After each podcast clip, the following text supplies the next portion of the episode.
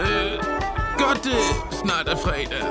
Lille Fredag er et nyt podcast-segment på Radio Viva, hvor jeg, den lokale poet Simon Magård, inviterer fremstående koldingfolk ind til et godt glas bobler og en meningsfuld samtale på en af byens mange gode etablissementer.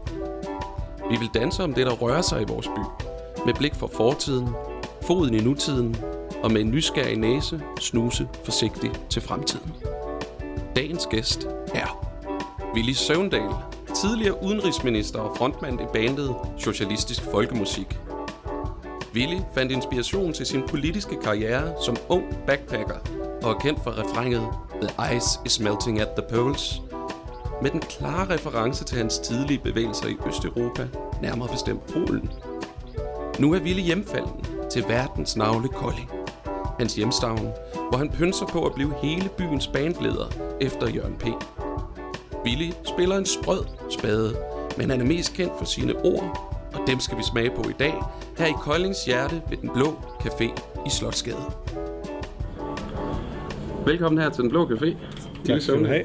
Tak skal du have. Vi starter altid øh, Lille Fredag program med at, og, øh, udgangspunkt i, hvad vi får at drikke, og hvor vi befinder os henne. Det er faktisk være lækkert, hvis du vil fortælle øh, om begge dele.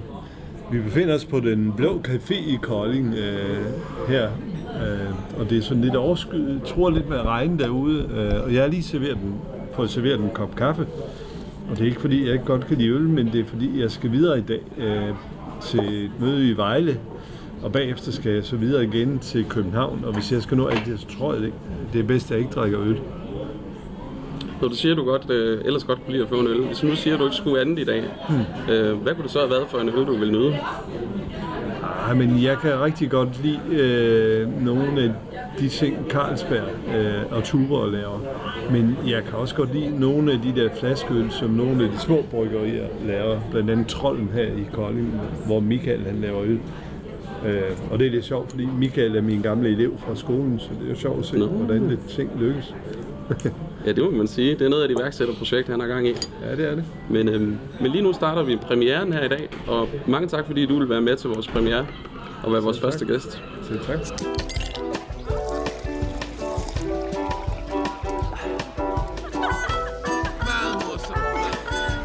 Øh, godt det snart er fredag. Den her café, vi sidder på, den blå café, har du noget forhold til stedet? Ja, det har jeg. Jeg er rigtig tit kommet hernede øh, for at drikke en kop kaffe eller en øl eller spise. Og i det hele taget helt kvarteret hernede med, med Rafaels, der ligger lige bagved, og den engelske pop bagved, og alle øh, de små caféer der. Synes jeg sådan er et af Koldings mest hyggelige områder. Øh, her er det sådan meget et liv. Øh, Mm. Selv en eftermiddag her er der, er der, er der mange folk, ikke? Og om aftenen er der mange folk. Jo, det er rigtig hyggeligt. Øh, til gengæld synes jeg ikke, at øh, jeg øh, sådan midtbyen i Kolding kunne trænge til et, et løft øh, til at blive lavet sådan mere attraktivt, øh, mere grønt, øh, flere opholds- og legemuligheder, hvor man bedre får bundet sammen de fantastiske sådan perler, som Kolding har med åen og med fjorden og med Koldinghus og så videre. Hvor man virkelig får det åbnet op, øh, så det bliver mere attraktivt og spændende, end det er pt. Min tanke er, at vi skal, vi skal tale lidt om ugen, der er gået indtil videre. Den er jo ikke, den er jo stadig ung. Øh, og så skal vi tale om ugen, der kommer. Øh, er der et eller andet, hvis jeg nu siger, hvad der er sket i dit liv indtil videre, hvis du kigger hmm. tilbage i den her uge? Hmm. Du er jo en aktuel person lige nu i forhold til Kolding. Du har meldt ud, at du stiller op til øh, faktisk øh, som kandidatering til borgmesterposten. Og det er jo rigtig spændende at få dig tilbage her til byen. Er der et eller andet, du vil fremhæve, der er sket i mellemtiden?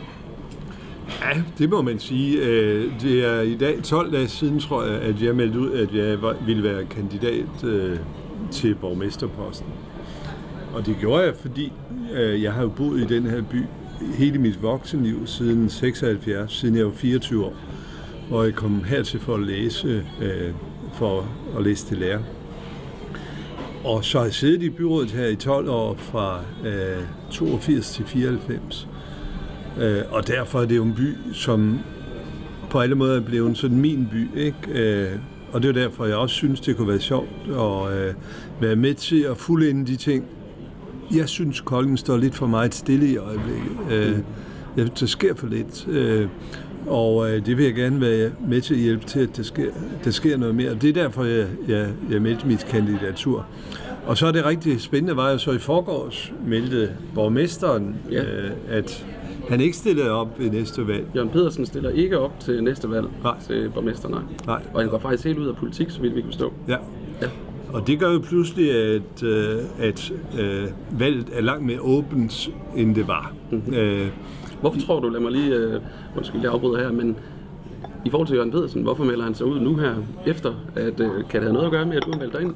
det ved jeg ikke. Øh, det må han jo svare på, eller det har han jo egentlig allerede svaret på, og det benægter han selvfølgelig, det ved jeg ikke. Øh, jeg er jo ikke, øh, jeg er ikke dybdepsykolog, men det er tidsmæssigt er det et interessant sammentræf, kan man sige.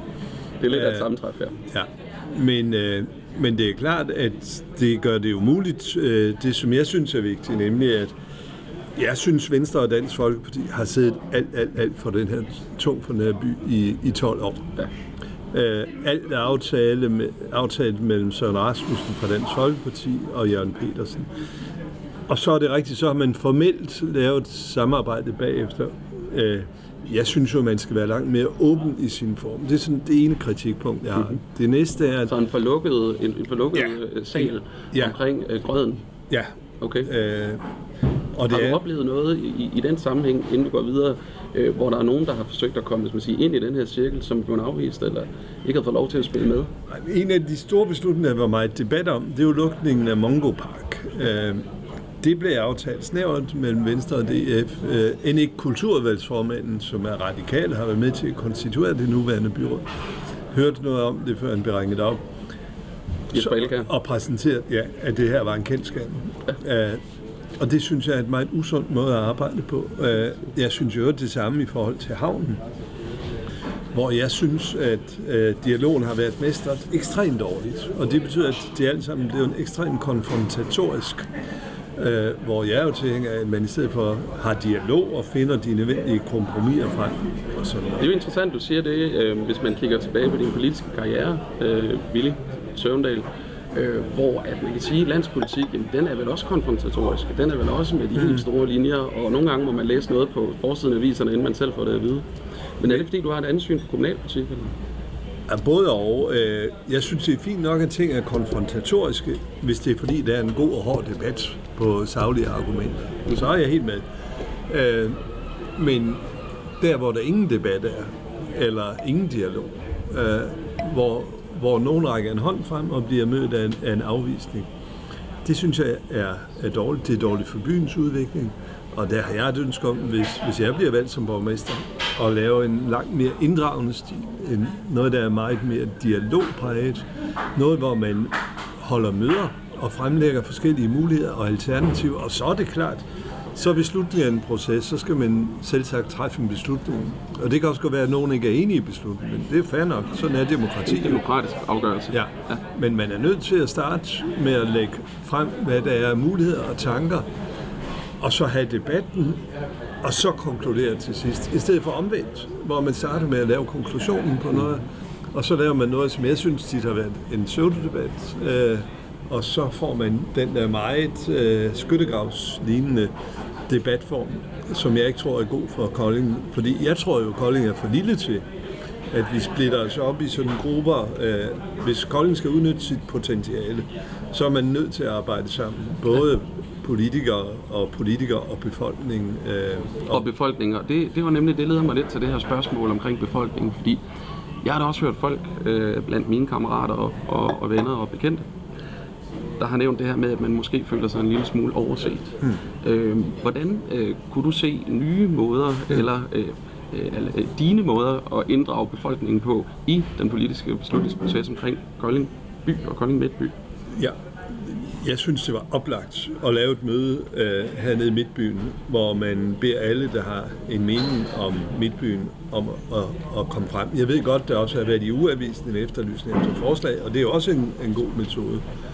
Og så beder alle, der har noget at byde ind med, kom og byde ind, øh, og så får vi en stor pulje af forslag.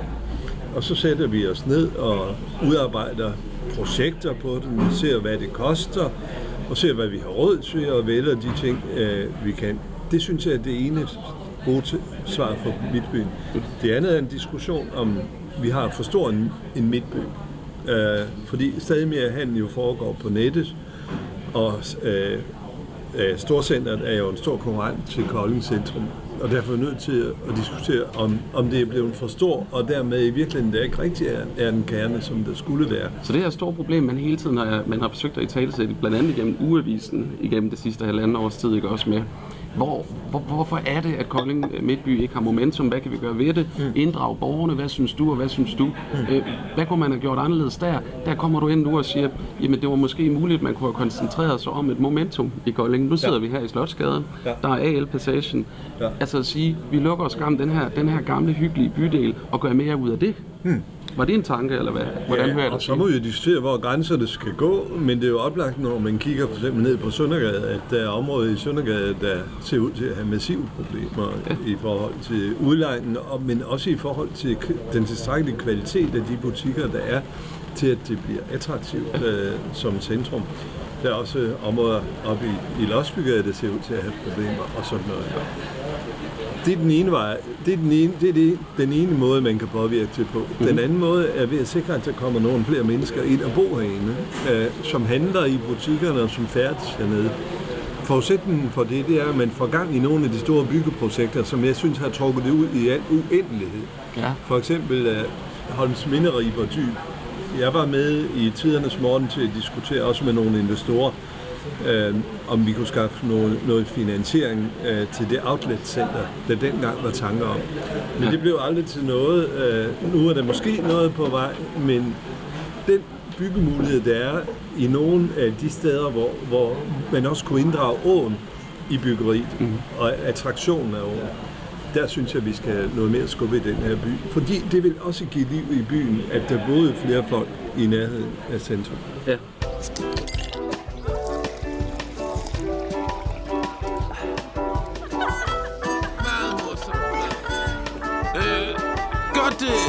Det snart er fredag. Hvad synes du, der er smukt ved Kolding, hvis vi kigger på omgivelserne mm. rundt omkring byen? Hvor er det spændende at pege hen fra midtbyen? Men vi er, vi er fantastisk beriget ved at have et slot øh, og en slotsø og Stalgården, som er et stort grønt område øh, med et slot inde i midten, inde midt i byen. Men som den en er der jo ingen tvivl om. Den, den ved alle eksisterer. Og Ja. det, det, det er der i hvert fald blevet slået på i rigtig mange år. Ja. Så har vi et å, øh, der øh, skærer tværs ind igennem byen. Og der er rigtigt, der er åbent lidt op nede ved Søndertorv øh, med at spille sammen med åen.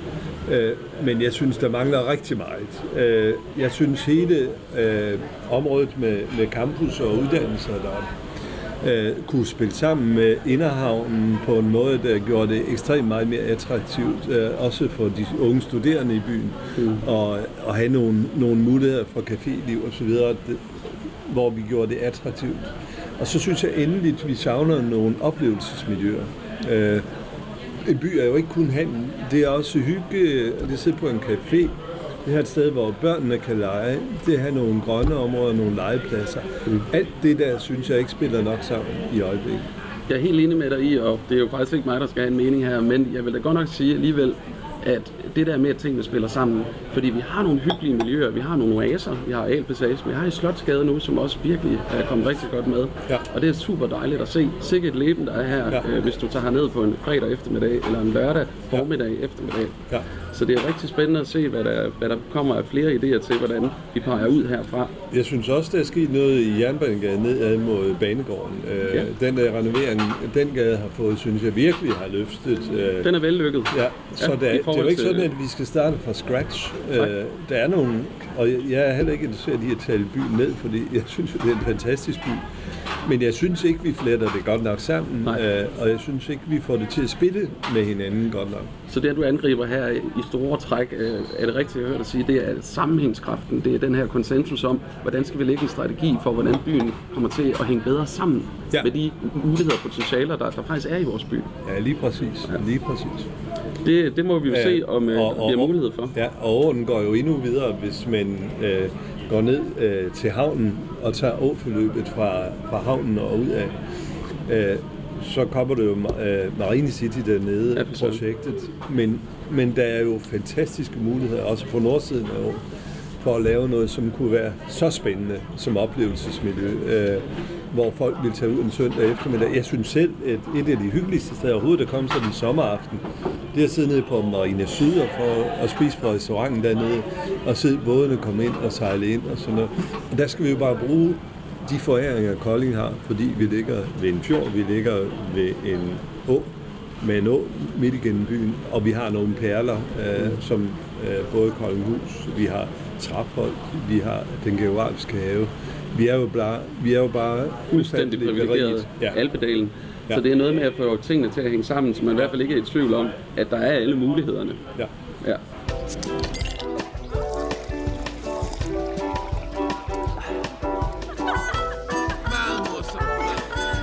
Øh, godt det snart er fredag. Så det var godt, vi satte os ind under halvdagen. ja, det var det. Vejret det er meget lunefuldt for tiden. Og øhm, sådan er det også, øh, fornemmer jeg lidt i øh, det politiske billede. Men øh, det kommer vi ind på senere, fordi nu har jeg tænkt mig at øh, stille dig nogle øh, lidt mere personlige spørgsmål. Ja. Og det er jo, Kolding er jo et personligt sted for dig. Øh, du har boet her i mange år. Øhm, og den har betydet meget for dig, øh, ved jeg. Øh, hvis du skal øh, starte med, øh, kunne jeg godt tænke mig, hvis du havde et eller andet historisk person for Kolding, et forbillede, mm. som du kunne fremhæve og sige, mm. altså det er, det er, det er en, en, en Kolding-personlighed, mm. øh, som, som du... Den person, jeg nok har holdt allermest af, det var ham, der var min dansklærer, da jeg gik på seminariet, som hed Finn Brandt Petersen.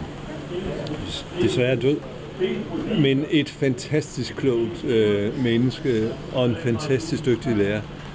Han kom altid ind, når han skulle starte en time og spurgte, hvad det nu var, vi skulle lave i dag. Og det tror jeg var sådan hans trick øh, for at indlede timen, fordi det vidste han godt. Og så holdt han et af de der blændende foredrag, hvor man bare skulle sætte sig tilbage i stolen og lappe i sig, fordi det, er, det var så klogt, så begavet, så analytisk det, han var i stand til at lave. Oh, Så øh, han var en af de store, også sådan meget sødt og, og, og, og stort menneske, synes jeg. Så øh, ham, blev, ham kom jeg til at sætte rigtig meget pris på, på min tid i, på seminariet. Det må have været en privilegeret situation at, øh, at have sådan en lærer. Øhm, hvis du skal, i forhold til Kolding, øhm, havde, han, havde han også et særligt hjerte for Kolding? Øh, Var han, boede han her og, og så videre? Han boede her, ja. Han Ja. boede ude i Bramdrup Dam. Øh, øh, Ligesom du vist nok. jeg bor i Sønderbjerg. Og det er rigtigt. Ja. Øh, ja. Men, men hvis jeg skal være helt ærlig, så endte jeg jo i Kolding ved lidt af et tilfælde, fordi jeg var jeg havde rejst rundt i Sydamerika fra 75 til 76, og havde dengang en kæreste i Amsterdam. Og derfor, jeg var ikke lige opmærksom på, at tidsfristen til at ansøge og komme ind på et seminarium, det var 1. maj, så jeg kom for sent hjem. Og derfor var der kun tre seminarer, hvor de ville have mig. Det var Kolding, og det var Nørre Nissum, øh, og så var det Ranum helt oppe i Nordjylland. Okay. Og så blev vi meget hurtigt enige om, at det her sted jo var tættest på Amsterdam. Øh, så Okay. derfor flyttede vi hertil her. Og jeg bor her siden 76. Det var faktisk en mindre tilfældighed. Ja, det kan man godt sige. Ja, det var, og det var slet ikke på grund af karakteren. Det var, det var noget med, at det var kommet for sent hjem. Ja, det var det. Ja. Ja, ja. Nej, nej, det var det ikke. Øh, men øh, Kan du beskrive den, dit første møde med Kolding? Hvordan, hvordan du, øhm, er, det- er det en forelskelse, eller er det en stille og rolig øh, venskab, du får med byen? Altså, Ja, men stille over de sidste, sådan, jeg havde jo ikke rigtig noget forhold til byen der i starten. Øh, Jeg flyttede ind op i Skovparken i øvrigt, øh, Nå. der dengang var der er jeg selv boet. ja, øh, ret forholdsvis nyt. Øh, øh, og sammen med min daværende hollandske kæreste Charlotte. Øh, og, øh, og det var jo det var spændende, synes jeg. Jeg synes, seminariet var spændende. Jeg synes, livet her var spændende. Og så havde det gjort et dybt indtryk på mig at rejse rundt i Sydamerika. Øh, og jeg tænkte derfor, det måtte man tage en konsekvens af. Så jeg skyndte mig at melde med i SF. Øh, og der var det jo ikke min plan, hverken at ende i byrådet, eller i Folketinget, eller i regionen. Jeg, jeg ville bare være med til at støtte noget, jeg synes var et godt projekt på det tidspunkt. Okay. Så det var faktisk mere interesse, øh, hvad skal man sige, og, og, og, og, og øh, aktivere dig selv i den nye by, du var kommet til. Ja, der var ikke, der var ikke store politiske planer. Og nej, det var, det var måske mere sådan en politisk øh, øh, overvejelse om nødvendigheden af at gøre, no- gøre noget. Da jeg var i Sydamerika, var hele Sydamerika regeret af militærdiktatur. Øh, Det var under Pinochet i Chile, og jeg var i Argentina, da militærkuppet fandt sted der. Øh, Så jeg synes, og og den der afgrundsdybe fattigdom, man møder, øh, som, er, som jo er helt kolossalt for, når man kommer i et dansk udgangspunkt, øh, hvor vi trods alt tager os ordentligt af de dårligt stillede, og, og s- gør noget ud af at have det godt, også for de dårligt stillede. I virkeligheden er det jo en gammel tradition her, at vi skal måles på, om vi også tager os godt af dem, de dårligt stillede. Ja. Det er det bestemt ikke i de der lande. Så jeg tror, det var for at være med til det slagsmål, eller det var det, at jeg valgte at melde mig ind i SF der i, i 76. Som man siger, det der, den indmeldelse, det var også en konsekvens selvfølgelig af den her meget, de her store indtryk, du har fået ud i verden. Ikke? Og det er jo også noget, du beskriver øh, i din bog. Ja. Øhm, jeg har også læst mig til, at du har, du har også øh, rejst en lille smule i Østeuropa. Ja. Ja. Det, da, vi var, da jeg, jeg var færdig på HF, det var jeg i 71. Mhm. Så arbejdede jeg i et halvt års tid, tre kvart år på Keminova for at tjene nogle penge til at rejse. Og der arbejdede sammen med en god ven, der Ole, og så købte vi en folkevognsbus på gule plader til 7.500. og så satte vi den i stand, og så kørte vi rundt i Europa i et halvt år. Og det var en fantastisk spændende tur. Dengang så Europa jo helt anderledes ud. Europa var delt lige over af en mur. Øh, vi havde militærdiktatur i både Vesteuropa, Spanien og Portugal, Grækenland. Vi havde antidemokratiske regimer i Østeuropa. Øh, så det var en fuldstændig anderledes tid. Og for mig som et ung menneske dengang på 20 år, var det også en periode, hvor jeg var meget modtagelig for indtryk. Og derfor tror jeg, det var en god vaccine mod de der lidt totalitære strømninger, der underligt nok fulgte i, i hælene på ungdomsoprøret, som var anti-autoritære. Mm. Øh, og endte med, at, at mange meldte sig ind i DKP eller, eller VS, øh, eller hvor det var. ikke. Øh, og det har jeg jo aldrig været tiltrukket af. Jeg tror, det var en rigtig god vaccine for mig at se de der lande i virkeligheden. Og jeg har aldrig syntes, det var specielt attraktivt. Tværtimod, øh, både hvad angik levestandard og frihed osv., synes jeg, at vores øh, system er klart at foretrække. Så der var en mulighed for i hvert fald at, at, at være med til at gøre noget inden for et system, som var på det tidspunkt i forhold til det, du har set, yderst velfungerende. Ja, Og man målte sig på nogle helt andre parametre. ja.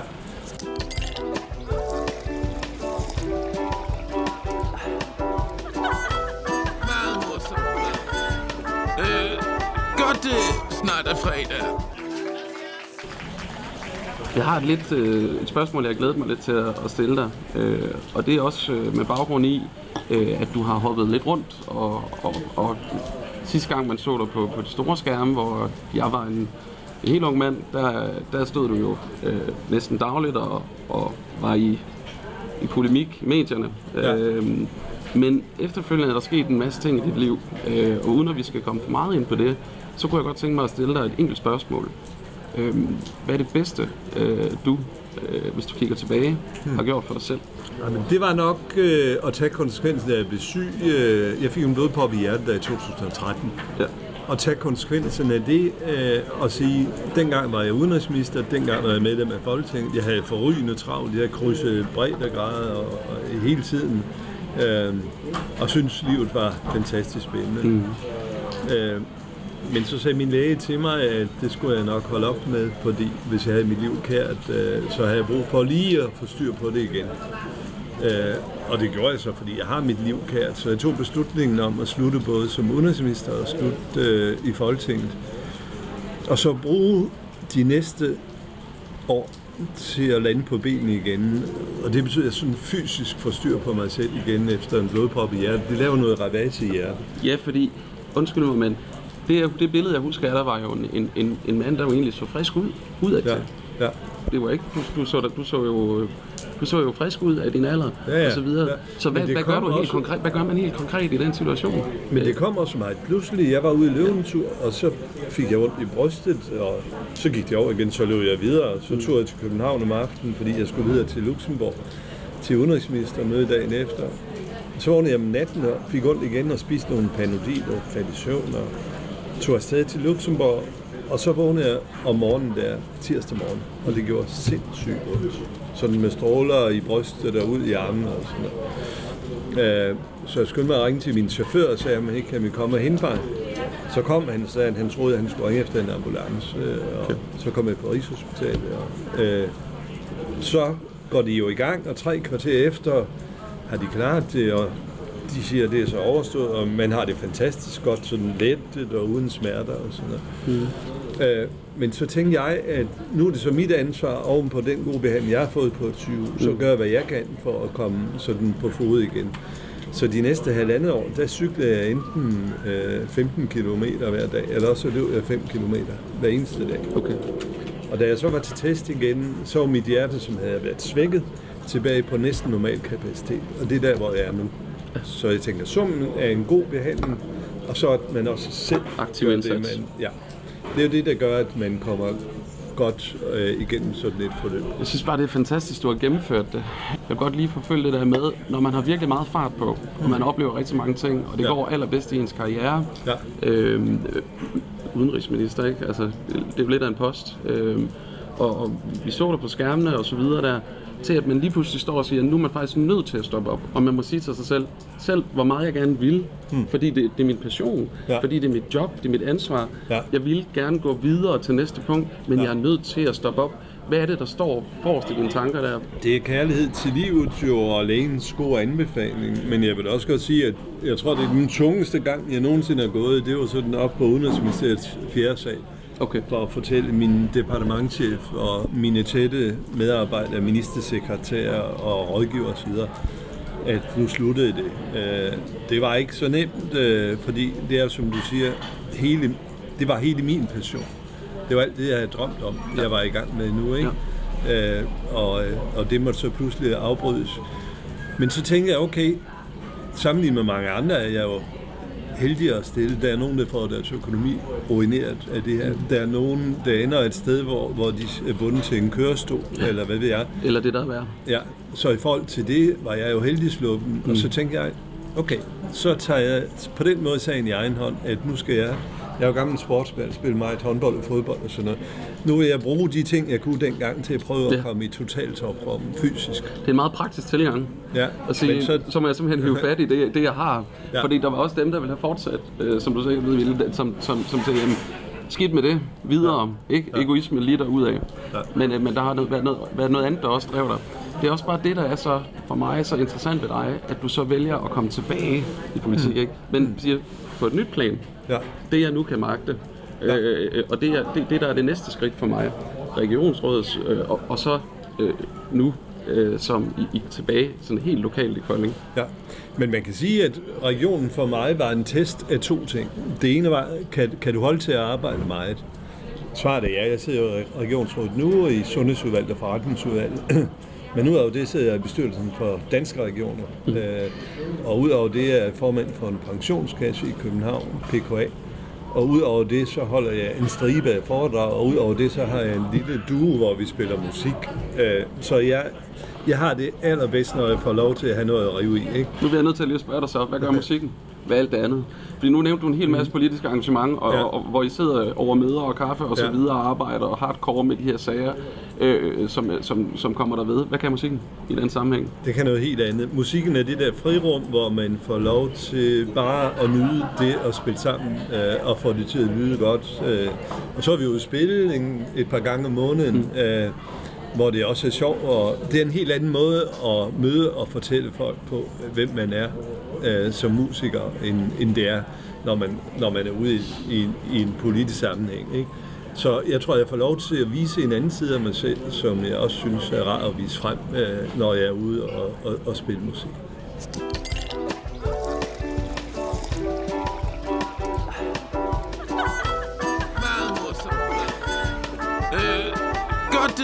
Snart er fredag. Jamen, Ville Søvndal, vi sidder jo stadigvæk her på Den Blå Café. Nu er øh, regnen stoppet, og, øh, men heldigvis er vi stadigvæk under taget. Og øh, du har en halv time nu, inden du skal videre. En travl mand. Du har musikken, og du har sporten. Hvor finder du mest energi? Hvor får du dine bedste idéer? Det tror jeg i virkeligheden, jeg får øh, enten når jeg løber øh, ture, fordi så bliver ens hjerne renset for alt det, der sker. Når, når man sidder hjemme i stuen, så er der nogle mennesker rundt omkring en. Nogle gange er det en skærm, der kører, øh, og, og der, der synes jeg, man får helt i hjernen renset, når man løber. Det er det ene sted. Det andet sted er, når jeg går rundt og krætter ude i min have og planter og sådan noget. Det giver simpelthen en fantastisk ro. Og man er fuldstændig koncentreret på det, man lige laver. Og det betyder, at tankerne har sådan rum til at få lov til at vandre. Øh, Så jeg, hver gang jeg laver noget praktisk øh, med min krop, så synes jeg, at jeg tænker bedst. Rent praktisk, så er du bosat her i Kolding, og du er på vej tilbage i kontingensisk politik. Hvorfor er Kolding et blivende sted for dig? Jeg tror, det er fordi, det er her, jeg tilbragte min ungdom, øh, efter jeg. Jeg brugte nogle unge år til at lave alle mulige forskellige ting, og rejse og arbejde i Tyskland og Holland osv. Øh, så Kolding det er det sted, hvor jeg landede, om man så må sige. Og så med både min uddannelse og øh, mit politiske engagement, blev det også det sted, hvor jeg lærte rigtig mange mennesker at kende. Øh, jeg blev valgt til byrådet i november 81, og pludselig greb det sig selv også, at den her by blev den by, jeg var optaget af folks vilkår i, øh, som jeg blev socialudvalgsformand også dengang. Øh, jeg var med til at tage de mange, beslut, mange af de beslutninger, jeg stadigvæk kan se. Øh, jeg var med til at tage beslutningen om, at vi skulle have en afdeling af Syddansk Universitet, og vi skulle sørge for gunstige rammer for Syddansk Universitet her i byen. Det er måske den vigtigste beslutning, der er taget for Kolding i mange, mange år. Øh, jeg var med til at beslutte nogle af de sociale tilbud, der stadig er. Regnbuen, øh, folkekøkkenet, øh, skuret øh, nede ved skydebanen, hvor man kan stå i ly og drikke sin øl osv. Og det er fordi, jeg har jo altid syntes, at man skal måles på, hvordan man behandler de mennesker, har det allersværeste i det her liv.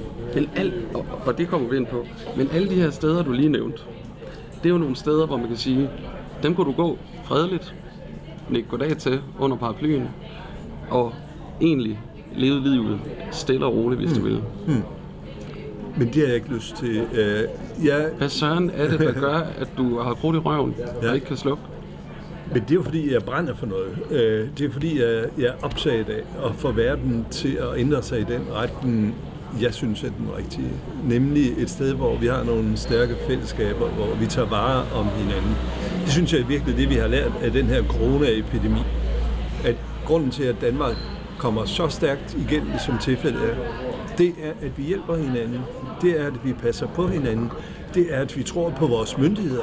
Når Søren Brostrøm siger, at vi skal bære maske, så bærer vi maske. Det bevis, som, og det har det jo været for mange, det har været en ny forbindelse mellem borgerne og politikerne. Man har følt, at man er kommet tættere på hinanden i virkeligheden, ja. Ja. selvom man har været nødt til at tage afstand. Ja. Øh, har den øh, periode her under corona øh, tændt øh, en ny politisk gnist hos dig? Har det været med, eller med til at antænde det? Nej, det har i virkeligheden bestyrket mig i min overbevisning. Samfundet bliver trygtestet, når der kommer corona. Mm. Og det betyder, at man kan skille samfund, der klarer den, og der ikke klarer den. Det er jo ikke noget tilfældig- tilfældighed, at Danmark og Norge og Tyskland har klaret det her godt. Det er fordi, vi har nogle stærke, velfungerende samfund. Det er heller ikke noget tilfælde, at USA dumper i alle målinger. De har både en præsident, der gør grin med corona og, og sin befolkning. De har et sundhedsvæsen, hvor de fattigste ikke har adgang til sundhed. De har en social konstruktion, hvor de dårligst stillede ikke har nogen sikkerhed. Det vil sige, hvis man er lidt syg, så går man på arbejde, fordi ellers får man ingen løn. Og det betyder, at man bærer smitten rundt i et omfang, vi jo ikke gør i vores samfund. Så det her er den helt store test af samfundsmodeller. Og det bekræfter bare mit syn på, at den danske velfærdsmodel, hvor vi tager os af hinanden, og et fleksibelt arbejdsmarked, hvor vi er forsikrede, og omstillingsvillige danske virksomheder, summen af det, er det, der har gjort, at Danmark kom så stærkt igennem.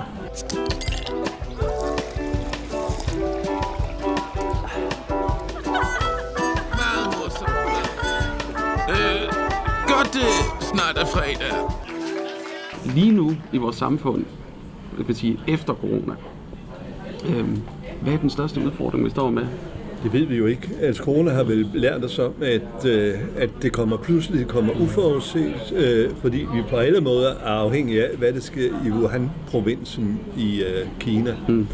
Jeg synes måske, øh, det her bør lære os lidt om, hvordan mennesker omgås dyr. Øh, det her var, at man spiser øh, vilde dyr og putter dem i supper og så videre. Ikke? Jeg kan huske svinepest, jeg kan huske fugleinfluenza. Var det ikke tidspunktet, at verdenssamfundet tog en dyb indånd og overvejede, øh, skal vi virkelig alle sammen udsættes for en risiko, fordi der er nogle mennesker, der ikke kan finde ud af at omgå styr på en ordentlig og anstændig måde? Er der plads til de her øh, store overvejelser og store udenrigspolitiske, øh, øh, øh, hvad skal man sige, øh, øh, problematikker i lokalpolitik? Er det noget, du kan tage med ind på den her scene, også at være med til at styre Kolding i vores position? I mit hoved hænger det jo alt sammen sammen. Okay. Øh, jeg synes, det er en lige linje fra, hvad det sker i Kina og USA, øh, til at, hvad det sker hos os. Der er sådan et berømt citat om, at når der er en sommerfugl, der basker med vingerne øh, i langt bort i stand, så får det indflydelse her. Det gjorde det ikke for min forældres generation. Det gør det for vores. Mm. Øh, og jeg ved jo godt, at jeg ikke skal bedrive udenrigspolitik. Det har jeg gjort. Øh, jeg ved godt, at jeg skal bedrive lokalpolitik. Men jeg tror, det er vigtigt at have udsynet øh, til, hvad der sker i verden i øvrigt, for at træffe de rigtige valg. Okay. Hvis man er et menneske, der har svært ved at finde ud af, hvad man vil. Måske er man en af dem, der bliver kaldt taber. Hmm. Øhm, måske bor man i en af Koldings ghettoer. Hmm. Hvad er din holdning til hele det her? Bør der for eksempel være fortsat ghettoer i Kolding?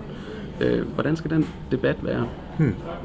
Jeg synes at vi skal gøre, hvad vi kan for at sikre en så blandet befolkningssammensætning som øh, muligt. Det er ikke godt, når øh, vi ender med at bo på en måde, hvor, hvor, hvor vi ikke forstår hinandens liv, fordi vi bor isoleret. Hvor vi ikke får snakket sammen. Mm. Hvor vores børn ikke mødes, øh, fordi øh, en skole skal trække det hele. Mm. Jeg flyttede, da jeg flyttede til Kolding ind i Skovparken. Ja, det nævnte du før. ja. ja. Øh, dengang var det jo en bredt sammensat befolkning. Jeg kan huske, at øh, det var ældre, det var folk i almindelige jobs. Det var en enkelt pakistansk mand, der var gift med en dansk kvinde. Okay, så lige så mange danskere på det tidspunkt som, som udlændinge? Flere. Okay, ja. ja. Det var simpelthen mere et, et, sige, et, et multikulturelt, øh, men også øh, inden for det danske sociale ja. spektrum. Ja. ja, det var en helt anden befolkningssammensætning. Og der synes jeg, at vi skal passe på, hver gang koncentrationen bliver for stor. Og det gælder uanset etnicitet. Det gælder også i forhold til danske øh, øh, til mennesker i Danmark. Styrken ved et land som Danmark, det er, at vi mødes i vores institutioner. Mm. Vi mødes med folk med vidt forskellige sociale baggrund i vores daginstitutioner, vores skoler og vores plejehjem. Og det betyder, at vi får snakket over kaffen om, hvad der rører sig og hvordan livet er. Og det betyder, at fordommen aldrig bliver helt så firkantet, som hvis vi ikke kender de andres liv.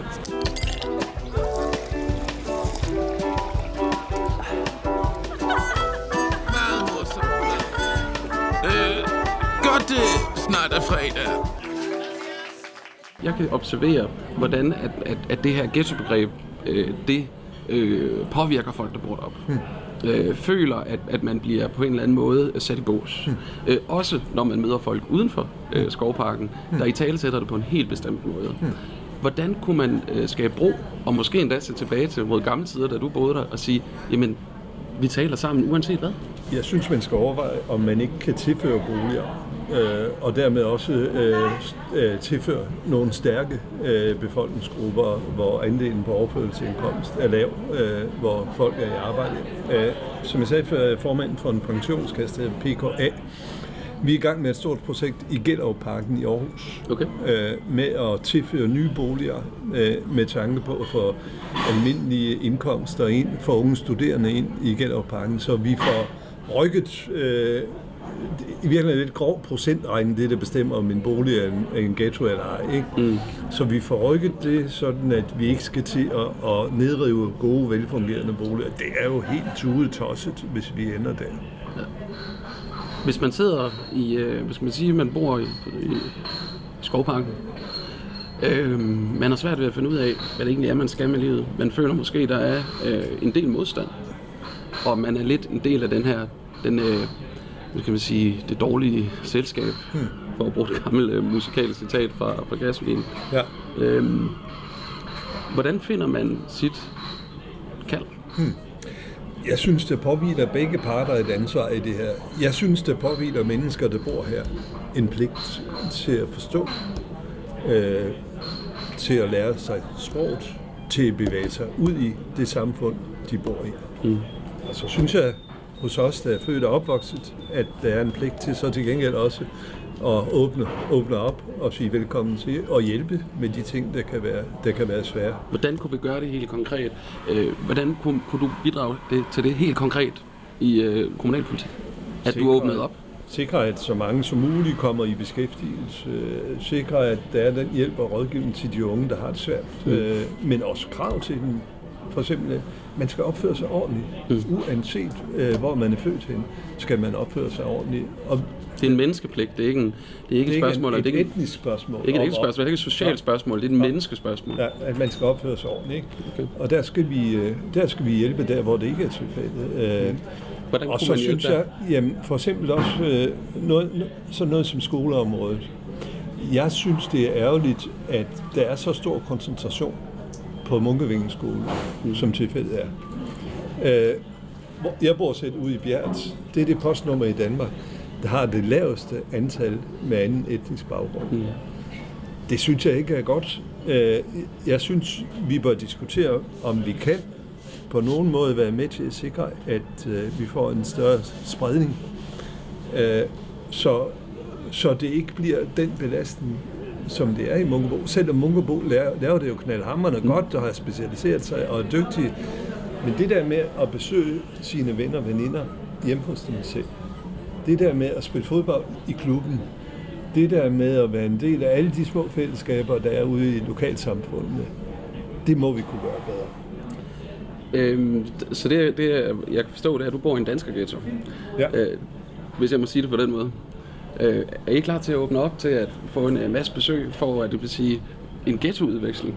Men pointen er vel, at, at det ikke er en masse, vi skal have. Vi skal bare tage vores andel.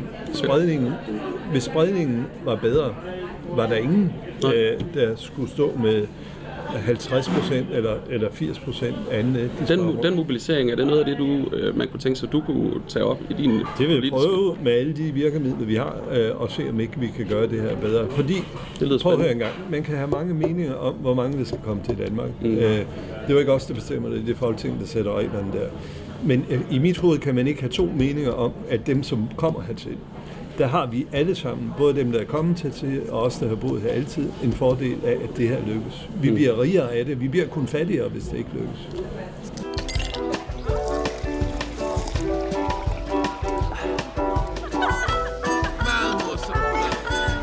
Øh, godt det snart er fredag. Det var sådan set det for øh, de mere, hvad skal man sige, politiske ting. Ja. Øhm, nu vil vi gå lidt tilbage og kigge på Kolding. Vi har omkring 12 minutter tilbage. øh, så øh, det er sådan i en podcast. Det fik jeg lært i dag. Der kan man ikke se noget. Så det vi kan se, øh, det kan lytterne ikke se. Hm. Så min næste øh, udfordring til dig vil være, hvad ser du lige nu, hvis du kigger dig over skulderen? For lige nu sidder jeg og kigger lige ind på mig. Ja, men jeg ser øh, borde, hvor øh, unge sidder og drikker en øl, eller drikker noget kaffe, eller drikker noget vand, og snakker og hygger sig. Øh, og det er jo lige præcis det, der er, så, der er så vigtigt og godt, at der er steder, hvor man kan mødes som ung og hygge sig og have det rart og sjovt. Øh, der synes jeg, vi skal prøve at se, om vi ikke kan få flere øh, unge her til byen øh, for at læse. Mm-hmm. Øh, og læse både tekniske ting, men også få flere, øh, få et større universitet. Øh, jeg synes, vi skal være opmærksom på de mange faglige uddannelser, vi har også både på Teknisk Skole Hansenberg, øh, og hvad vi har på AMO-centret Kolding. Øh, jeg synes, alle de uddannelser, vi har, kan vi ikke få dem til at spille bedre sammen? Kan vi ikke få den der synergi? en mulighed for det, fordi nu, bliver jeg, nu afbryder jeg lige, Ville. Det gør jeg, fordi nu startede med at tale om, hvad sker der her i, øh, i uh, Slotsgade Ja. lige nu ved den blå café. Jamen, at folk, der sidder og hygger sig, det er rent faktisk nogle unge mennesker, der sidder inde og ser ud til, at det kunne godt være studerende. Ja. Øh, men øh, jeg kunne forestille mig på sådan et studiebudget, at det kunne være rimelig dyrt at få råd til at sidde og drikke en eller to øl her. Hmm. Øh, så hvis man skal have folk til, hvis man siger, det her projekt med at samle folk i midtbyen, for det er jo den her midtby, der er vores store udfordring, Ja. i hvert fald i forhold til de seneste år, hvad der har været af snak i medierne. Ja. Øhm, kunne man skabe bedre ramme for de unge hernede i Midtbyen? Ja, det tror jeg. Spørgsmålet er, hvor man skal skabe det henne. Ja, Øh, fordi er det ikke ved at blive lidt af en klub af folk på plus 40, der har en, en god pension, der har råd til at sidde hernede? Jo, jo, det er jo det.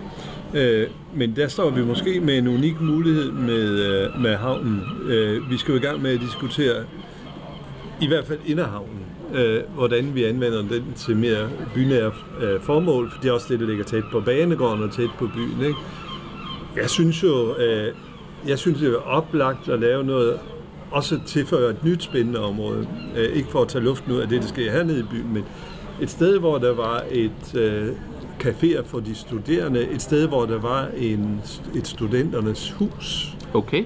Spændende ja, projekt hvor i Kolding. Vi har jo vi har jo så mange, vi har så rigtig mange, der, der mødes dernede omkring universitetet eller designskolen og øh, øh, IBM og hvad det hedder, alle, alle de I, IBA, ja. IBA, alle de Ja, og som har, har en stor palet af uddannelser. Ja. Og hvor er det egentlig interessant, at de ligger så tæt. Store, nye, flotte bygning, Ja. bygninger af Campus City Kolding. Ja. Øhm, øh, hvad er der egentlig af samspil? Hvor er det spændende, du siger studenterhus? Den, øh, den, den vil jeg godt holde op på. Ja. Øhm, dengang, hvis du kigger tilbage til det, du, da du var studerende i Kolding, Ja. var der sådan et miljø? Kan du huske tilbage? Ja, det var der, men ikke et fælles miljø. Dengang havde vi jo ikke universitet. Nej. Øh, Vi havde en kunsthåndværksskole, hed den dengang. Vi havde et pædagoguddannelse her i byen Mhm. også. Vi havde læreruddannelse. Mm-hmm. Øh, men, men det var i virkeligheden øh, på de enkelte uddannelsesinstitutioner i langt højere grad, men selv lavede det. Øh, de var jo også mindre, vi var måske 500 elever eller sådan noget på, på læreruddannelsen. Vi havde til gengæld hylde sjovt. Vi havde sådan nogle viseaftener med musik og sjov og fest og sådan noget. Det var rigtig gode til at skabe. Øh, og det, det, det skal man selvfølgelig også forsøge, men jeg, jeg synes, det må være en fantastisk mulighed for at anvende synergieffekten af at have så mange uddannelser næsten på samme sted, og så have en diskussion lige nu om, hvad vi vil med Inderhavnen. Det, kom, det kunne spille så flot sammen, synes jeg. Der får vi dermed faktisk bevægelse lige herfra, hvor vi sidder nu i Slotsgade Elpassagen, hvor byen jo efter mange mening har momentum, ud imod Uddannelse City, øh, ud imod Sydmarina for den sags skyld også, ja. og så har vi havnen. Ja. Sikke en spændende bevægelse, det glæder vi os øh, meget til at høre øh, flere bud på, øh, hvad det er, at du kunne tænke dig at byde ind med der, Willy.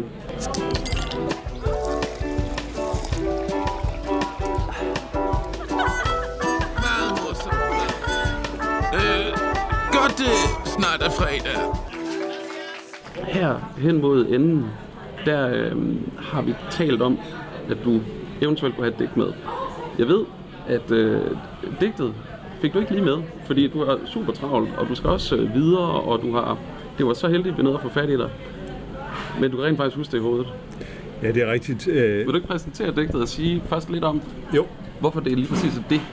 Det er skrevet af øh, ham, der hedder Halfdan Rasmussen, og ham kender vi alle sammen. Øh, det er jo ham, der har skrevet digtene til vores børn og børnebørn, eller hvor langt vi nu er kommet i kongerækken. Så han skrev nogle alvorlige ting øh, fra krigens tid. Øh, for eksempel det ham, der har skrevet Det flyver sorte fugle gennem natten. Så han skrevet den sjoveste digtsamling, jeg kender. Den hedder Tosserier i udland.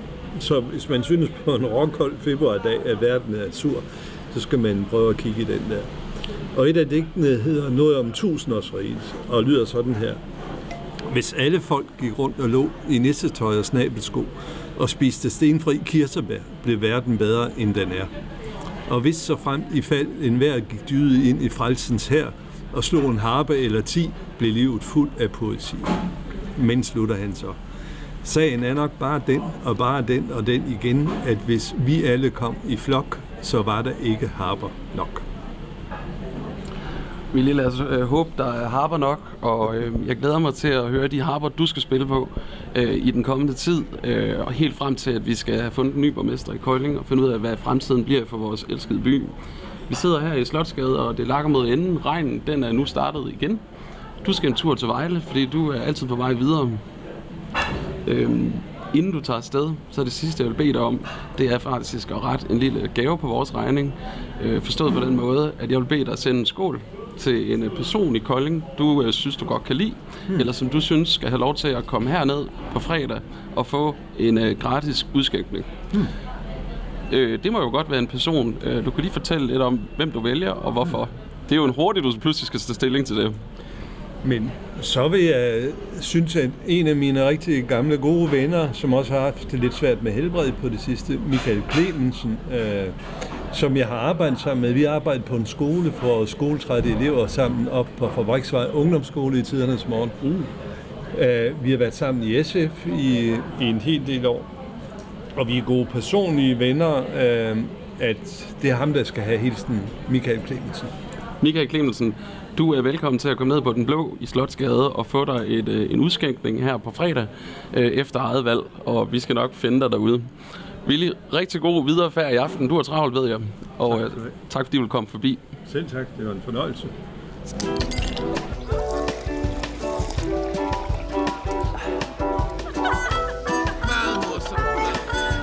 Øh, godt det snart er fredag.